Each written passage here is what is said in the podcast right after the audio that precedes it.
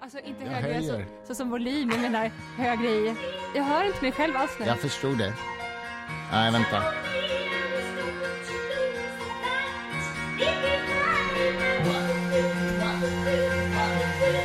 Så ja. Oj.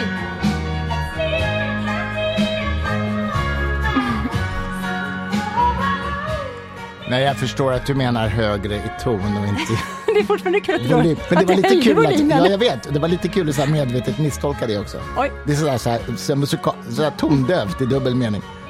du vet. Oj, Tondövt i dubbel mening. älskling, välkomna Oj, oj. till Göteborg.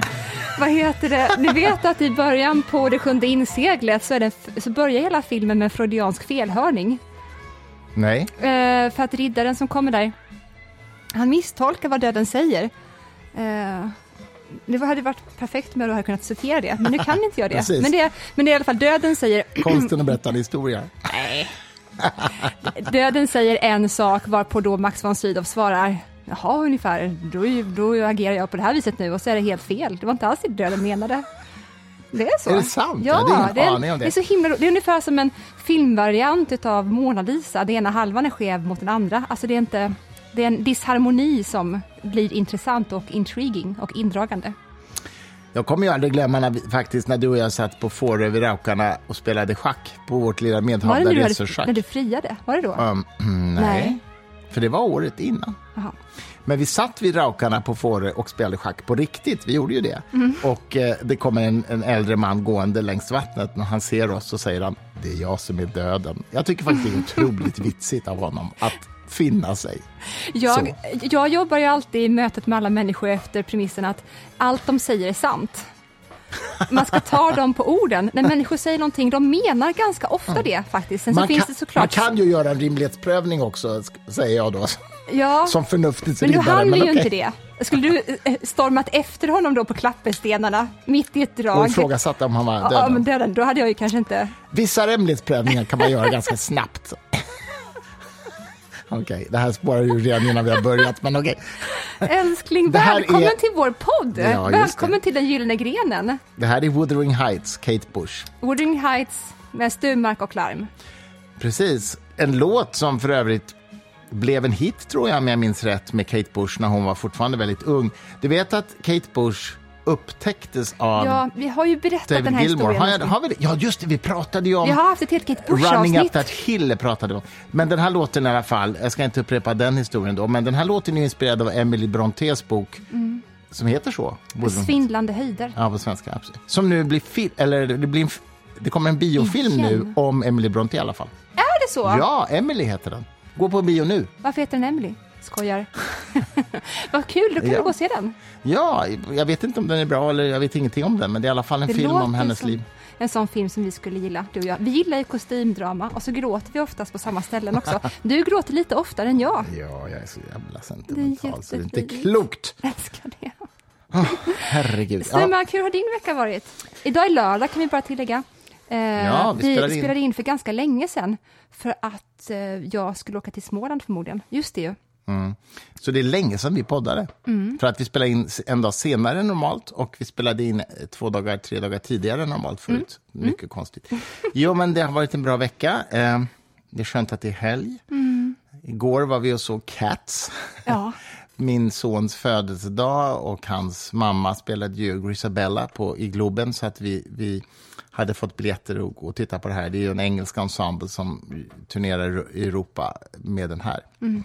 Och eh, det är kul, jag har inte sett den sen jag var typ tonåring och var i London. Liksom. Eh, det är ju en musikal som är lite daterad eh, rent musikaliskt. Man hör ju liksom, det är mycket syntljud och sådär. Det låter 80-tal, men, men det är det är en kul föreställning. Mycket Ja. dans och sådär. Och vi var så stolta över ja, Gunilla. Ja, hon var jätteduktig. Hon var Alltså ju på duktig. riktigt, det är så skönt tycker jag när familjemedlemmar och vänner levererar på riktigt. Ja, säga. ja, ja, För det är så himla jobbigt när man tycker väldigt väl om någon, Mm. eller är till och med i familj med någon, och så tycker man inte att det var så bra, och så Mm. måste man liksom fejka det. Men det är så underbart då när man sitter motsatskänslan. Mm. och inte bara att det är bra, man är stolt. Vi var liksom eh, Jo, men jag håller med dig. gruppstolta Det i är rätt publiken. kul. Där kommer den här liksom West End-ensemblen som ju gör många andra sånger Mm. i musikalen och de ligger ju så jävla i lä mot hennes sångprestation när hon Ja. sjunger Memory. Det är liksom så här, okej. Blåser kattöronen av dem. Hon satte ner foten, eller vad heter det, visade var skåpet skulle stå, eller vad man brukar säga. Ja, det var kul. Ja, det var väldigt Det kul. var roligt, det var roligt faktiskt. Och det var kul för Leo att se, att se sin mamma utspökad till ett gammalt kattskrälle på en soptipp, det- som den ju faktiskt utspelas, Cats, musikalen. Det var rätt roligt faktiskt. Men, eh, ja, men det gjorde vi, och så åt vi en god födelsedagsmiddag på kinesiska restaurangen Hos på Hornsgatan. Som vi är, blir satta av. ja, men det är en väldigt bra, det är faktiskt bra mat alltså. Ja, det är så gott. Man, man blir för mätt bara, men det är väldigt, väldigt bra mat. Jag kände mig som en sån där, vad heter det? Alltså, hade det varit motsatsen att ehm, den äldre mannen i förhållandet säger till sin yngre fru, skulle du verkligen äta det där också? då hade det inte varit så bra eller sunt. Men eftersom jag då besitter den här förmånen, så Ja, jag sa till mig, du vill inte ha det där också, Ja, sa jag. ja, jag och vad gjorde du med det? Åt lite till. Det gjorde du. Och sen åt du lite till. Ja, jag vet. Å andra sidan, så, ibland kan jag nästan bli orolig över att jag är i någon så här feeder-relation. Ja, men, Nej, men inte så. Snälla, det är inte liksom Gilbert Grapes mamma jag är ute efter att du ska bli. Men, den Jag- jag den kom, kan inte jag, den storyn. nej, Men, men många som var lyssnade... det Lasse Hallström? Ja, det var det. Den, den gå- Innan han spårade nej, ur och började tro på andar? Den gången han kunde göra film, faktiskt, Mhm. var det. Inte på den tiden ens. Jag är inte ens så generös. Jag tror att de flesta som tänker tillbaka på eh, mitt liv som hund Mm. är... eh, Den skulle inte hålla så bra idag, tror jag. Framför allt inte eftersom de också visar hon eh, Kinnamans eh, överkropp när hon bara är typ 11 och halvt Alltså. i den filmen. Men i alla fall. Jag har faktiskt sett halva Hilma af Klint, som ju är ett kostymdrama också. Och, men ja, Mm. jag vet inte, den fångade inte mig, den filmen, alltså, eh, måste jag säga. Nej. Den fångade inte mig.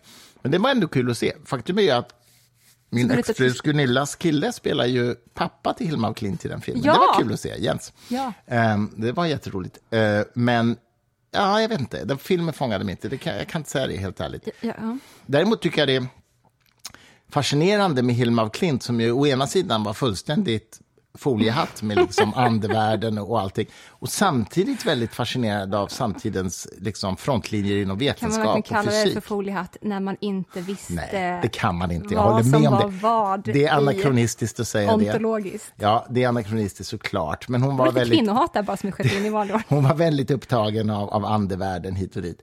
Och, eh, men samtidigt, samtidigt intresserad. Okej, men Lasse Hallström är faktiskt foliehatt om man håller på med det idag och tror att, att Hilma har hjälpt honom att skriva dialogen till filmen. Ja, jag vet. Jag kan, inte, jag kan inte uttala mig någonting om Lasse Hallström för att det är bara syrligheter jag har i munnen, så Mm. jag låter faktiskt bli. Däremot så vill jag motvilligt erkänna, och det är väl också hemskt att det är motvilligt, att jag är, tycker att hans dotter Tora är väldigt karismatisk. Mm, Hon har verkligen någonting. Hon spelar bra i filmen. Det Alltså, gör hon. Det är fan inte Alltså jag tycker alltså. inte filmen är dålig. Den bara liksom fångade mig inte sådär, du vet, så att man liksom Nej. bara måste se klart. Nej. Jag kanske ser klart den, jag har den ju på Ja. streamingtjänst, så att vi får se. Men den fångade mig inte sådär jättemycket. Men det, var inte, det är inte en dålig film. Liksom. Vi ska se, du och jag ska imorgon faktiskt se The Favourite tillsammans. För den har inte du sett och jag vill verkligen se vad du tycker om den. För att den filmen var en form av paradigmskifte för mig när The det handlar om period pieces. Den utspelar sig på 1700-talet och det är en engelsk drottning som eh, man får se de intrikata förhållandena på hovet i London. Och den, har man sett The Favourite, då blir det liksom ett kostymdrama aldrig sig likt igen efter en sån film. För att de blandar in en humor och en sarkasm som inte hör hemma i den väldigt stela, långsamma världen. Och de har också, eh, de klipper den på ett rappt, kul sätt. Den som började väl försöka göra om period pieces var väl egentligen då Coppola när hon gjorde Marie Antoinette och la in Tokyo som filmmusik och modern musik till att Marie Antoinette badar och äter kakor och sådär. Det var också väldigt bra och kul. Det, ja, där ska vi se den. Var finns Imorgon den? ska vi se The Favourite. Den Varför- kan vi hyra. Jag har den på iTunes. Jag älskar att ni tvingas vara med i våra så teknikaliteter kring hur vi ska komma åt. Vet du, alltså, jag kan inte lå för att jag får en sån här helt knäpp association när du säger the favorite. Eller favorite. Har du sett Eddie Izzard-sketchen som handlar om när Jesus åker ner till till jorden första gången, till dinosaurierna. Eller jo, det här, men berätta igen. Ja, för 65 miljoner år sedan, och det går ju åt helvete såklart för han blir uppäten. Ja. Och han kommer tillbaka till pappa Gud och så, så väntar han i 65 år och så säger nej men nu får jag ett nytt, 65 miljoner år, nu får jag ett nytt försök och sen åker han ner då för 2000 år sedan. Och så går det åt helvete igen så kommer han tillbaka och pappa Gud undrar liksom, my son, vad var det som gick snett den här gången? Ja, jag vet inte, säger han. De, de hade massa idéer om att man, de skulle äta bröd och dricka vin och, och uh, and, and they said drink this wine This is my, eller jag, jag sa, säger Jesus, drink this wine, it is my blood. Och då säger Gud, what? That's vampirism, are you crazy? Och då blir han så här generad och så, och så säger han, och så säger Gud, did you då?" say anything more? Did you say anything else? Och Jesus blir så här skitnervös och säger, well I said, eat this bread, it is my, f- it's my favorite. No, you didn't say that, säger Gud. Okay, it's my flesh. That's cannibalism, säger Gud. Are you crazy? Det är en ganska rolig sketch. Du har sett den, va? Jag har det. Jag hade en Elisa-period, jag älskar honom. Han är ju bäst, alltså. Ja, han är, Han är den bästa var det. stand-up comedian, Han var det jag. innan han skulle Ja, ställa upp för Labour i engelska valet. aha. Och, ehm, ja, han är fantastisk. Alltså, hans humor var ju, hans föreställningar var ju så bildade. Så mycket så här filosofi och historia och grejer i hans skämt. Så det var helt Mm. absolut. briljant. Det, det som han hade i bildning tar ju Ricky Gervais igen i grovhet istället. Ja. Och sen är de på samma sida fortfarande. Det är de. Mm. Båda är ju faktiskt ambassadörer för sekulära humaniströrelsen i världen. Vill jag då understryka. Gud, är vilket det så att du är och jag är Ricky Gervais? Det vill jag inte att det ska vara så. är det så? Det är lite så. Nej, det tror jag inte. Alltså det är inte så att jag är grov som att jag drar så här äckliga skämt för dig, men jag kanske säger det gör saker du i och ibland. för sig också. Men Ja, det gör jag faktiskt. Skål! Skål älskling! Vi har ju champagne här, du får inte glömma det. Jag höll på att glömma det. Mm. Nej, men eh, de kristna skulle säga att världen blev ju helad eh, och läkt när Jesus tog på sig Mm. våra synder. Det är bara det att vi inte har förstått det. Och de skulle också säga eat this bread, this is my flesh. Men okej. Men du, vad heter det? Jag tycker att är det inte väldigt fascinerande med Eddie? Och jag vet att du förmodligen inte vill gå dit nu, men jag vill det bara lite för att se vad som händer med dig. Vad kommer jag säga nu, tror du? Jag har ingen aning alltså. Du kan ju säga mycket som gör mig generad. Men, Ja, det kan jag ja, faktiskt. men in, inte i podden. Nu får du skärpa dig. Intim du blev där nu. vad fan? Okej, come on. Nej, men jag ville bara prata om att jag tycker det är jätte... ehm, magnetiskt på något sätt med en man som eh, klär sig i kvinnokläder och smink, men som fortfarande är hetero. You, you- you're not gonna get me there, I'm sorry. Okej, i alla fall. Vad har du mer Jag gjort den kommer här inte veckan? göra, kommer inte göra det. Nej, nej, kanske bara... Nej, inte alls. Nej, jag kommer faktiskt inte det. Jo, för vet du vad du har sagt ja till att Jag du ska avskyr göra? maskerader faktiskt. Jag Jag, har aldrig gått på maskerad. Jag har aldrig gått på maskerad i hela mitt liv. Alltså idén att gå på Maskerad. fest och Att klä det, ut sig. Det är så fruktansvärt. Tänk, tur att Eddie inte hör vad du säger. Att det är en så här enmansmaskerad han Ja, håller jag- på med. ja, ja, men jag- det är inte det jag pratar om. Det här är ju hat i vissa människors Ja, värld fast- mot hbtq. Fast det är inte det jag pratar om. Jag, jag okej. pratar faktiskt bara om maskerader. bara det och att vuxna människor tycker det är kul att ha maskerad. Alltså jag, jag, för mig är det Jo, helt fast groteskt. nu ska vi inte... Vi, snälla, om ni har gjort det och så där ute, så låt er inte avskräckas av Christer. Jag Mm. Nej. kan vara den här varma modern som tar emot er då, medan han håller på och gormar. Men hörru, just nu håller jag på och upprör mig över att min son som har börjat i sjuan läser religionskunskap och har böcker skrivna av Börje Ring som är religionskunskapsboksförfattare för gymnasieskolan. Mm. Och de är så jävla usla på vissa punkter. Vet du att han skriver? För det första så är det så här, sekulär humanism finns inte med överhuvudtaget, trots att kursplanen säger att det ska vara med sedan 2011. Ja. Eh, och han kan inte skilja på ateism och sekulär humanism, till exempel. Och, ehm, och han beskriver ateism som livsåskådning, vilket ju inte är. Men så skriver han så här, en av huma- ateismens huvudargument, eller huvuduppfattningar, det är att det som inte går att mäta eller kontrollera finns inte, skriver han. Och så har han som sån här gruppövning för barnen också i någon av böckerna. Att, eh, håller ni med om att det som inte går att mäta och, och kontrollera inte finns? Och det är så jävla korkad uppfattning om ateismen. Och, och rent sakligt fullständigt felaktigt. Och utbredd. Utbredd, ja. Men det, jag, jag tycker det är hemskt. provocerande.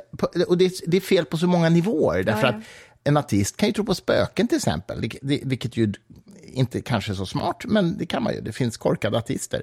Eh, och, eh, eh, och det går inte att mäta och kontrollera, men de kan, ju ha, de kan ju tro på vad fan som helst utom just Gud, så att säga. Ja. Det är ju det ena. Och det andra är ju att en, en, en genomtänkt eh, sekulärhumanistisk ateist som inte tror på spöken av andra skäl eh, kan ju tro ju på massa saker som inte går att mäta. Kärlek, eller mänskliga rättigheter, eller mörk materia, eller liv i universum, eller vad du vill. Så det, det är så dumt. Och detta skriver man alltså i en högstadiebok. Nej, jag, jag, det provocerar mig faktiskt. Ja, jag blir lite... Alltså jag känner också att det här skakar till mig på ett sätt. Att det rör en nerv, en obstinat nerv i mig, en vansinnig nerv i mig, Mm. som jag märker att jag måste hålla koll på, för att om jag eh, vibrerar i den också, Mm. medan du gör det, då blir det galenskapet av det. Så du måste bara kanalisera det här nu på ett sunt sätt. Men vet Frågan är vad- hur du ska göra då? Vet du vad som, är, vet du vad som också är... Jag använder inte ordet kränkande, för jag gillar inte det. Men vet du vad som också är så respektlöst mot religiösa människor? I, I beskrivningen av ateism i skolböckerna. Det är att de säger så här. Ateismens uppfattning, står det i min sons lärobok. Ateismens uppfattning är att människor tror på Gud för, äh, äh, jag kommer inte ihåg ordagrant, men typ för att hantera det- besvärliga i livet. Och, alltså, det, är ju, det är ju jävligt respektlöst mot religiösa människor. Nej. Jag kan tänka mig att det finns religiösa människor som tror på Gud av det skälet, men det finns ju väldigt många andra skäl Om du skulle gå in i språkfilosofi kring detta så kan inte jag hålla med dig. Därför Nähä. att det är, kränkande, det är kränkande mot ateister för att de ser eh, troende människor som så grunda. Men det är inte ett Att, de, att, påstående. att texten hävdar det, menar ja, exakt. Men Ja. de påstår inte att religiösa människor är så Nej, grunda. Okej, you have a point. Jag gläder mig att du försvarar ateisten här och jag försvarade den religiösa. Men det, ja, Mhm. det har du ju faktiskt rätt i. Det är ju egentligen ett påstående om ateisten. Mm. Eh, och om det hade varit sant så hade det varit respektlöst mot religiösa. Men ja, det är ju verkligen. inte sant, som tur Det är. hade varit Ja. otroligt Mm, respektlöst. ja, men du har rätt. Jag tänkte Men vad ska, du göra, vad ska du göra då? Ska du... eh, Är det Flashback? Fi- Filmtips. Jag har ju debatterat mot Börje Ring. Det finns på Youtube. Börje Ring. Mm. Sök, på, sök på Sturmark och Ring, så hittar man det på Youtube. Det är en ganska rolig paneldiskussion som, faktiskt för några år sedan. Jag gjorde en liten rapport om det. Jag läste 20 skolböcker i religionskunskap för gymnasiet. var det. Han skrivit både för grundskolan och gymnasiet. Och, eh, och så gjorde jag liksom en analys av alla bristerna och så hade vi en debatt. Det är ganska kul. I en av skolböckerna för gymnasiet så, häv- så förekommer Charles Darwin på ett enda ställe i hela boken. Och det är på kapitlet om, ati, äh, om eh, satanister. Eh, där man säger att han är en liksom, hyllad person ja, för satanister. är alltså det är så absurt så att det inte... Det, Man tror inte det Man att det tror är så, faktiskt men det inte är, det är faktiskt så. Ja, det är Annars så. tänkte jag bara parentes när du sa att jag läste 20 religionsböcker för gymnasiet, tänkte jag elever, och så tänkte jag vilket jätteroligt konstfackexperiment det skulle vara att du sitter och läser religionsböcker, otaliga, för gymnasieelever. Mm. Det hade varit något, i alla fall när du var eh, ordförande i Humanisterna. Det hade varit en konst, konstinstallation. Exakt så, precis. I klass med, vad hette hon? Och tänker du gå på Anna Odell-spåret nu eller? Ja. I klass med Anna Odell. Psyksjuk på bron. Nej, ja, okej. Nej. Apropå psyksjuk, kan vi bara prata en kort stund om jag höll på att säga Gunnar Hökmark, men jag menar inte att han är så sjuk. Verkligen inte. Han är underbar, vi gillar honom. Kan Ja. vi prata om mig? Vad som hände med mig Ja, men när vi- han var här? Ja, det kan vi göra om du vill. Eh, han var ju gäst i min andra podd, min seriösa podd. Sluta, det här är din seriösa podd. Jag är så himla ledsen. Okej, min yrkesmässigt professionella podd då. Den som jag gör i Jag jobbet. älskar att du ändrar dig då. Gullis. Fri tankepodden, där jag varje vecka har en gäst av något slag. Och han var ju gäst i en podd som kommer mm, efter att den här är publicerad, tror jag, nämligen på fredag. Ni... Eller, eller lördag, ja, men både, ja. Ja, någon gång då. nästa vecka. Men Mm. eh, han var gäst, just det. Just det, ja, ja men berätta. Nej, han men var här då. Vi träffade honom på Scalateatern när Bill Browder var här. Och Mm. då så satt jag nästan nära honom. Och vi klickade så himla bra. Och jag kände, vi måste prata med honom mer. Så jag såg Mm. verkligen fram emot att han skulle komma hem till oss. Ehm, och så kom han, kom han hem till oss. Och så tog vi ett glas vin med honom, eller två, efter att ni hade poddat, du och han. Mm. Och då till historien hör ju att du och jag har av någon anledning utvecklat en jättesinnessjuk hälsningsfras till varandra. Ska du berätta det nu? Okej, Ja. fair enough, go for it. Och eh, jag vet inte, jo jag anar var det här kommer ifrån. I alla fall, när du kommer hem Mm. från jobbet eller när jag kommer upp från skrivkällan eller gymmet, Mm. då säger du och jag till varandra Helt normalt be- beteende. Ja. Och sen när du är ifrån mig på dagen, kanske inne på möten och sånt, då skickar du ibland bara di, di, di. så. Mm. Mm. Alla par har väl sitt löjliga sånt kanske, eller inte. I alla fall. Så att efter att Gunnar då Mm. hade tagit och druckit vin med oss, då skulle han ju åka taxi hem. Mm. Så då, och det var halt som fan, så du skulle hjälpa honom ut till taxin. Mm. Och då var jag liksom glad över att vi hade haft en trevlig stund, för vi hade Mm. ju det. Vi berörde ju jätteintressanta ämnen och sådär. Och så var jag glad över att vi skulle liksom laga middag och ha mysigt, Mm. du och jag och så. Så jag var uppspelt och hade två glas vin i kroppen. Så när jag hör att dörren öppnar sig här nere och att någon kliver in, då ropar jag så jävla högt. Och sen så, istället för att någon svarar då, som du alltid brukar göra, med ditt, ditt, ditt, då det bara Så var tyst. tyst. Problemet är att det var inte jag som kom tillbaks, Det var Gunnar. som hade glömt sin kavaj. Ja. Och jag var fortfarande kvar nere vid taxin. Vad tänkte han? Det är en jätteintressant fråga. För jag gick ju fram Mm, till Vi får tipsa honom att läsa, trappräcket. lyssna här på Ja, här. kan vi göra. Jag gick ju fram till trappräcket och då ser jag han så här, som ett, röra sig som en ljudlös skugga här nere. Och då efter att jag har ropat här så är jag så här, ja, jag tror kavajen är där, sa jag då. Du sa inte så här, ah, jag trodde det var Christer som kom Nej, upp. varför sa jag inte det? Nej, det borde var- du sagt. Hade du, hade det inte en poäng att säga det. Det hade ju så att säga skingrat vissa farhågor om att du var psykiskt sjuk eller och sånt. Ja, det hade det. Men nu gjorde det inte det. Nej. Så att nu sprids det på Östermalm. Mer Okej. än någonsin. Jag lovar att tipsa honom om att lyssna på den här podden. Jag vet inte, det känns också som att jag tänker att om man gör någonting som är så pass långt utanför det förväntade, då registrerar inte människor vad som hände. Du hoppas det, ja. Ja, jag hoppas, ditt jag hoppas det, det, är, det är den mest frekventa förhoppningen i mitt liv. Jag vet, du har tänkt den tanken flera gånger. Det jag. faktiskt, ungefär som jag berättat för dig om att det, det som de vuxna sa till mig, till mig allra mest när jag gick i lågstadiet. Mm. Vilken mening hörde jag flest gånger i lågstadiet? Tror du? Ja, du har sagt det någon gång, men jag kommer inte ihåg. Någon kunde fått det där i ögat. Just det, just det, just det. Just det, just det. Ja. Jämt var det någon som kunde Men fått var något i ögat. wild and crazy redan då. redan då. Men du, eh, det, lyssna gärna på podden med, med Gunnar Hökmark. Det är han har haft ett fan, otroligt långt politiskt liv och gjort så jävla mycket. Mm. Så mycket mer än vad jag hade en aning om. Eh, faktiskt. Jag har ändå liksom känt till honom länge.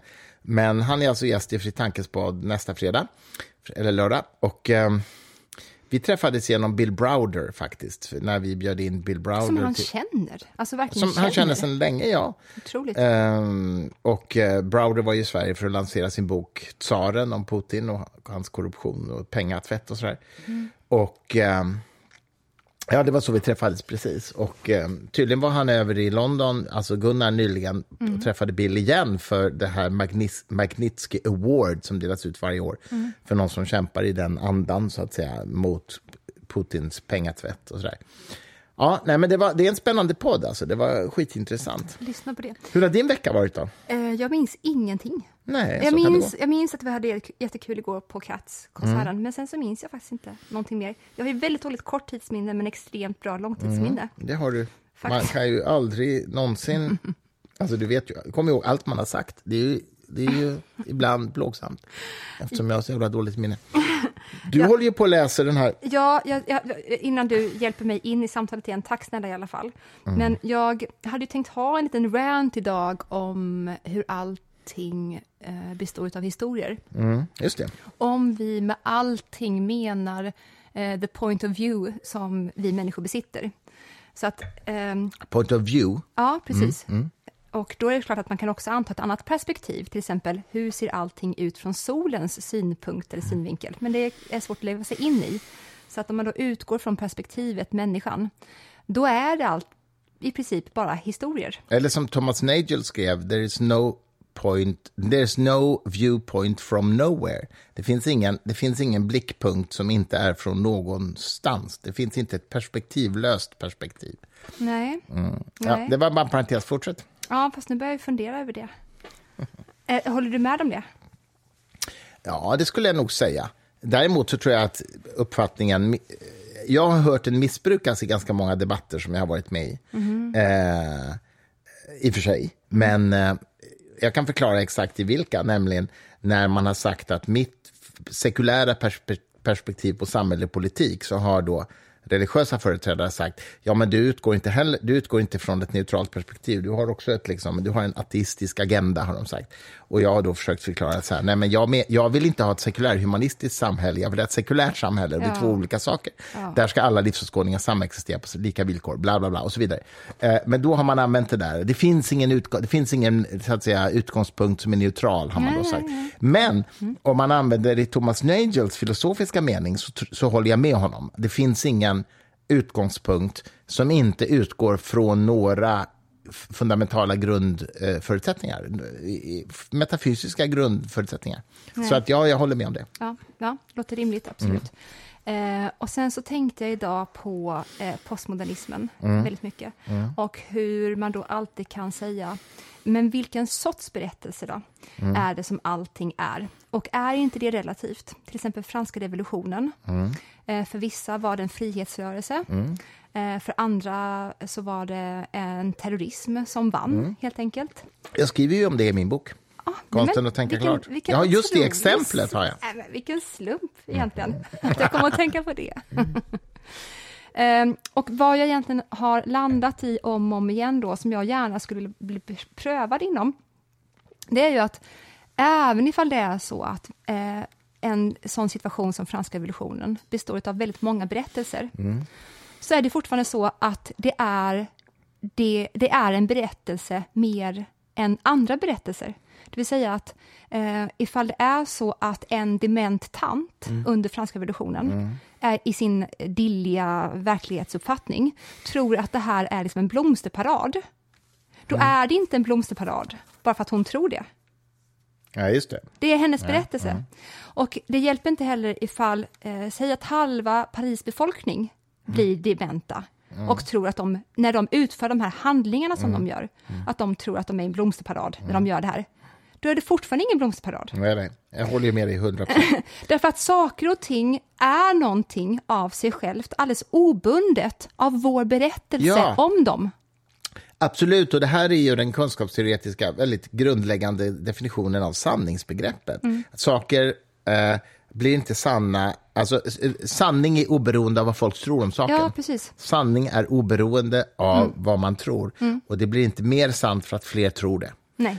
Men fortfarande är ju franska revolutionen ett jättebra exempel. Och jag, jag hatar när man inte creddar folk, så jag vill faktiskt göra det. Att exemplet i min bok kommer från min eminenta redaktör på Fritanke, Johannes Rex, som gav mig det exemplet mm. och utvecklade det på ett sätt som jag kunde använda sen i, i min bok. Men just att, att det handlar verkligen om vilket perspektiv... Det finns inte ett perspektivlöst sätt att berätta om franska revolutionen. Apropå det du sa mm. tidigare också, att det inte finns något perspektivlöst alls Nej. överhuvudtaget. Exakt. Och det är fortfarande så att den här tanten som är dement under franska revolutionen mm. och mm. tror att det är en blomsterparad, ja men för henne var det säkert det, mm. absolut. Men det mm. säger ingenting om den yttre verkligheten. Nej, precis. precis. Men, men, men frågan är så att säga, var det en frihetsrörelse eller inte? Mm. Det är, är ju beroende av, man kan säga till exempel att ja, vi ska säga, att, att det, det är ju en perspektivfråga eftersom det ledde också till ett skräckvälde, så att säga. Ja, framför allt så är det ju så att det skiftade i mm. sin utformning. Ja, och man kan fråga för vem, och för vem var det inte det och för vem var det det och så vidare. Ja, så i den meningen men en situation mm. är alldeles obunden utav oss som betraktare mm. eller upplevare. Mm. Obundet av oss så ja. är den fortfarande något ja. mer än något annat. Ja, Empiriska fakta är verkligen oberoende av Exakt. perspektiv ja, och av eh, vad man och tror om saker. Och upplevelse dessutom också. Ja, ja, ja. Nej, I alla fall, och sen så är det klart att man måste såklart då ha någon form, och det här blir väldigt insnöat nu, sen måste man fortfarande befalla sig till någon form av värdhierarki, hur man mm. bedömer mm. vad en situation är för någonting, mm. eller hur? Ja. Men det är, för lång, det, är för, det är ett kaninhål vi inte ska gå ner i. Nej, men det här är ju precis det som vissa tolkningar av postmodernismen, så att säga, tycker jag då i alla fall, felprioriterar. Man, liksom, mm. man, man så att säga, prioriterar ner den objektiva aspekten och prioriterar upp den subjektiva aspekten. Mm. Och det här är ju en gradfråga, det är ju inte ett eller noll. Men, men att det finns, jag kan då tycka att det finns en obalans eller en disproportionality liksom, i den balansen. Mm. Medan jag då tillhör, och du också vet jag, den som så att säga, hävdar att den objektiva aspekten måste prioriteras upp. så att säga. Precis. Och dessutom så är det så att vi som är delaktiga, om det så är i en revolution eller mm. i ett förhållande, mm. vi måste alltid sträva efter att berätta en berättelse om vad vi är med om, mm. så lik som bara möjligt mm. om situationen i sig självt. Mm. Eller hur? Ja. Det är det som måste vara den konstanta strävan, alltid. Mm. För ifall den inte finns där, mm. då kan vi försöka applicera berättelser på situationen eller relationen mm eh, som är djupt destruktiva och som gör att vi inte rör oss och handlar som vi borde göra. Konkret exempel, säg att du är i en misshandelsrelation, mm. Mm, som så många är där ute. Du är kvinna, bara för mm. enkelhetens skull. Eh, väldigt som många, det oftast är naturligtvis, ja, men inte alltid, men oftast. Mm. Mm. Väldigt många kvinnor stannar kvar, klarar av att stanna kvar länge mm. i en misshandelsrelation, för att de berättar en felaktig berättelse för sig själva, ja, om vad de är med om. Mm. Men sen finns den yttre verkligheten där mm. och den är hård, mm. riktigt hård. Mm. Och du kan försöka täcka upp den med den här berättelsen till exempel att jo, men det är bara när han är på det här humöret och mm. han har problem med de här sakerna just nu och det var inte meningen och så. Okej, okay, se hur det fungerar för dig att ha den berättelsen som du applicerar på den yttre verkligheten. Istället borde du berätta den sanna berättelsen om verkligheten, det vill säga att du är i en djupt destruktiv relation som du borde ta dig ur så fort som bara möjligt, framför allt om du har barn. Mm. Det är berättelsen du borde berätta mm. för dig, mm. inte den andra berättelsen. Mm. eh, och sen så blir det också då, om man bara zoomar ut lite grann och ser på en samhällsmässig nivå, vad händer när väldigt många olika grupper i samhället har olika berättelser om samhället vi lever i? När vi har olika mm. berättelser om nationen. Det är ju det som händer nu. Det är the fractions, precis. Mm. Polariseringen. Precis. Och sen så behöver det inte vara så, jag absolut inte, jag menar, jag är ytterst liberal vad det gäller invandringspolitiska frågor. Totalt. Mm. Men eh, det vilar på något vis på att de berättelserna som vi berättar för vår grupp eller vår familj, mm. eh, vår religion, mm. mm att de berättelserna är kompatibla med andra berättelser. Mm. Eller vår livsåskådning. Mm. Eller livsåskådning, absolut. Det vilar på ja, dem. Men visst, jag, jag håller helt med dig. Det är det som är det farliga nu, att man börjar få helt olika verklighetsbeskrivningar som inte är kompatibla. Och då går det ju inte att enas om vilken, vil, vad man ska prioritera eller vilka värden man ska prioritera om man inte ens har samma verklighetsbeskrivning. Framför allt så går det åt för mycket tid och energi mm. åt att eh, bråka om hur någonting egentligen är. Ja, ja, alltså man är inte överens om hur någonting är ens. Det, vad man borde bråka om egentligen är ju, vad ska vi göra? Mm. Men man kommer inte ens så långt i diskussionen. Vi är på ett liksom 1A-moment hela ja. tiden om hur någonting mm. är. Nej, men det här är ju livsfarligt. Det är livsfarligt. Och vi pratade om det häromdagen också, det här med... jag kan ju tycka att det finns en det finns en målkonflikt kring yttrandefrihetsfrågan som jag Rätt, säg till mig nu om vi har sagt det här i podden förut, mm. men som jag tycker är liksom underdiskuterad lite grann kan man säga i det offentliga samtalet. Och det är det faktumet att yttrandefrihet tycker vi alla är heligt. Liksom. Jag är ju verkligen den första som tycker att man ska inte kriminalisera yttranden överhuvudtaget. Det ska vara tillåtet att förneka förintelsen, även om det är helt foliehatt att göra det och sådär. Men eh, idén om en demokrati, demokratin i sin vida mening, som inte bara handlar om att få rösta fritt, är, innefattar ju också att man ska kunna rösta fritt. Eh, informa, informerade fria val ska man kunna göra. Informerade fria mm. val. Och om det är så att en grupp människor har informerats om en falk, falsk verklighetsbild mm. när de röstar, som till exempel i Brexit när det fanns en kampanj som sa att man skeppade x antal miljoner pund till EU eh, på grund av medlemskapet i EU som hade kunnat användas till hälsovård och sjukvård i, i, i Storbritannien istället. Det var som jag har förstått en helt falskt påstående, men det spreds jätteeffektivt via sociala medier. Och det finns ju många som säger att det antagligen det fick det att tippa över till Brexit ja. istället för att vara kvar. De åkte runt med de här bussarna. Ja, exakt, jag vet. Och poängen är ju då att det ska vara det är ju lätt att säga att det ska vara tillåtet att säga någonting som är falskt. Men om det så att säga har en så stor impact på människor så att de inte längre kan göra informerade fria val, ja, men då är det ju faktiskt ett hot mot demokratin. Det mm. är ju ett hot mot demokratin. Jag har inget lösningssvar på detta, men jag, jag menar bara att det är ju ett demokratiskt problem ja, om människor röstar under falska verklighetsbeskrivningar. Ja. För då är det ju inte verkliga informerade fria val som de Nej, gör. Precis, och jag kan inte se någon annan lösning än att en demokratiinskränkning skulle kunna lösa den saken i sin tur då. Nej, det vill säga att man inte, måste men- i så fall nagga på den fria yttrandefriheten, vilket jag inte tror på. Och det slår mig nu att det finns ju en analogi i det här när man diskuterar moraliskt ansvar som jag tror att jag har med i min bok också, men jag är inte säker, jag kommer inte ihåg exakt vad jag har med och inte. Men det här med att det finns något rättsfall där en, en man, han är snickare till yrket, han sitter med sin, sin sambo på en parkbänk och sitter i sin snickarkostym, han har liksom en morakniv i, i fickan så här, och hugger henne plötsligt i ryggen. Och eh, hon överlever detta och lyckas ta sig därifrån i alla fall. Och han ställs inför rätta. Och man upptäcker att han har en snabbväxande hjärntumör på ett visst ställe i hjärnan. Han är tidigare helt ostraffad och har aldrig varit våldsam eller liksom ingen, ingen missbrukarproblem eller någonting. Helt normal, vänlig kille. Och de hittar den här hjärntumören och den trycker på någon punkt där och den går att operera bort och eh, man gör det och han är helt liksom eh, icke våldsam efter operationen. Och, och läkarna säger att det är med stor sannolikhet att den här orsakade det här beteendet helt enkelt. Och då är frågan så här, ska han, ska han straff, ska han få ett fängelsestraff för den här handlingen? Är han, eller på ett mer abstrakt plan, är han moraliskt ansvarig?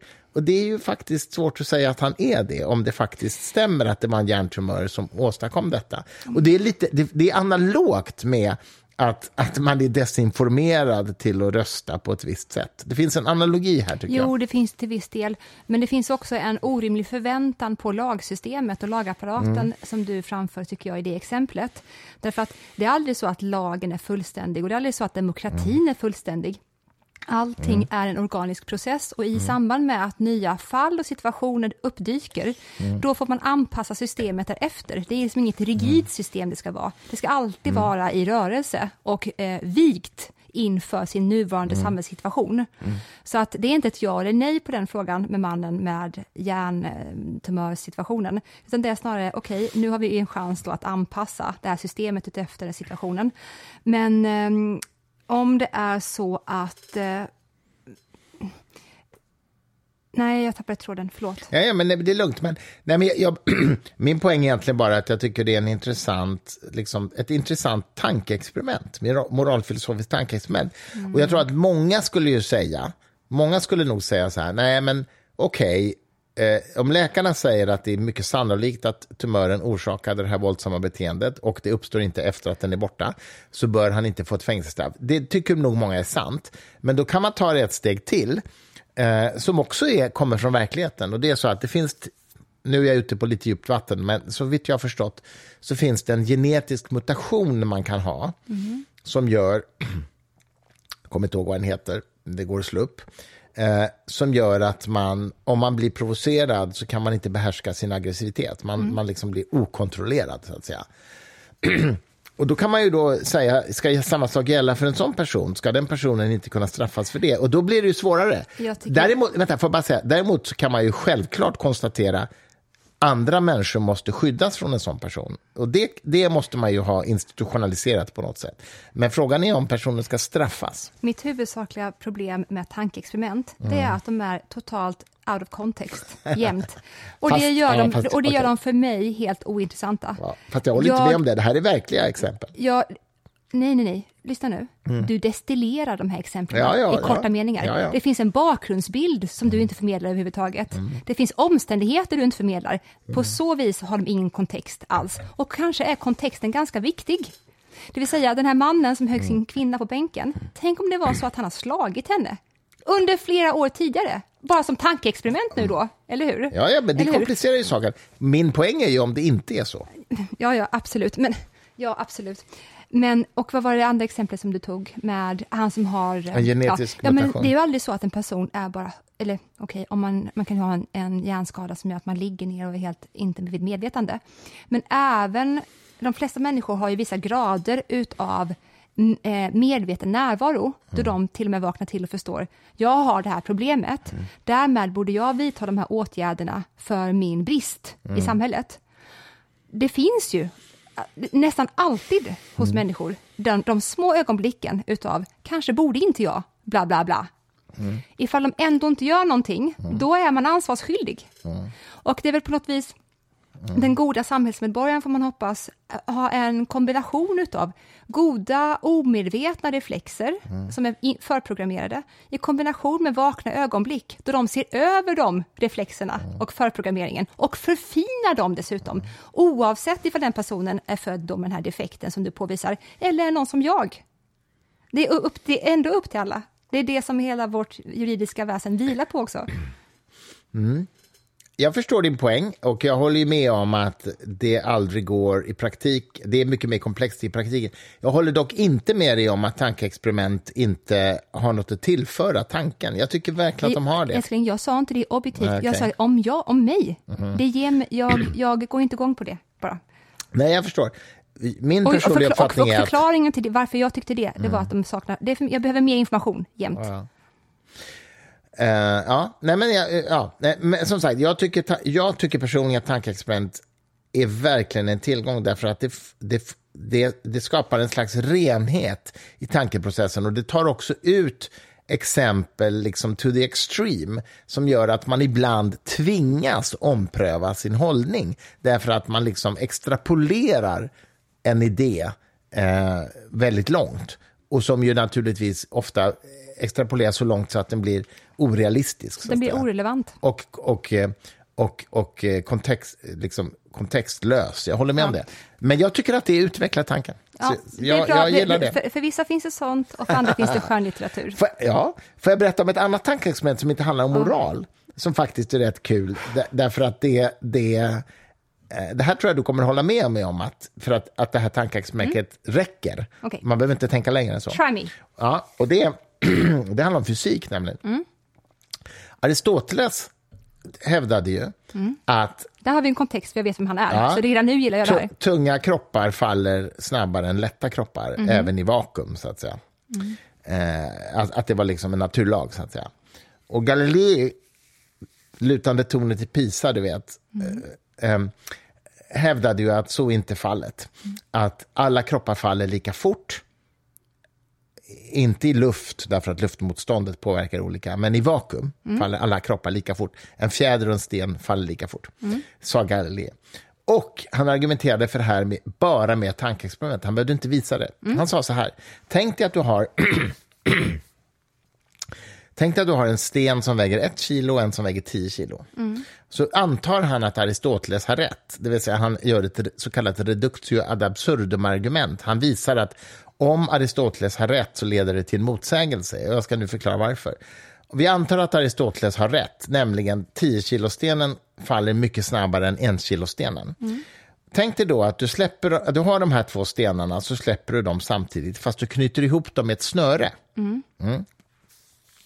Om Aristoteles har rätt så är det ju uppenbart så att 10-kilostenen kommer göra att 1-kilostenen dras med, så att säga. Den faller lite fortare än den skulle göra om den inte var ihopknuten med ett snöre, eller hur? Mm.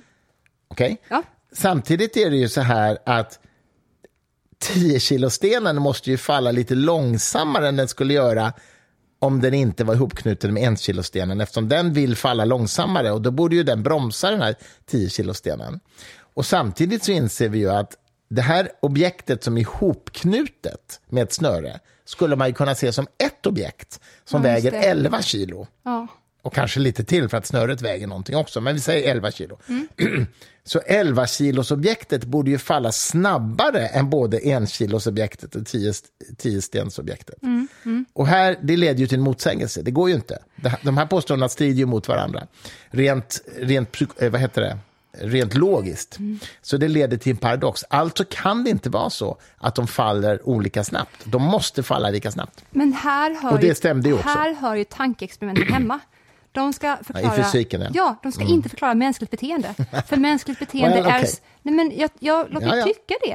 Alltså, det är Visst. för komplext och vi behöver så mycket information för att någonsin förstå mm. eller kunna tillgodogöra oss information ens mm. om handlande. Mm. Det är för mycket.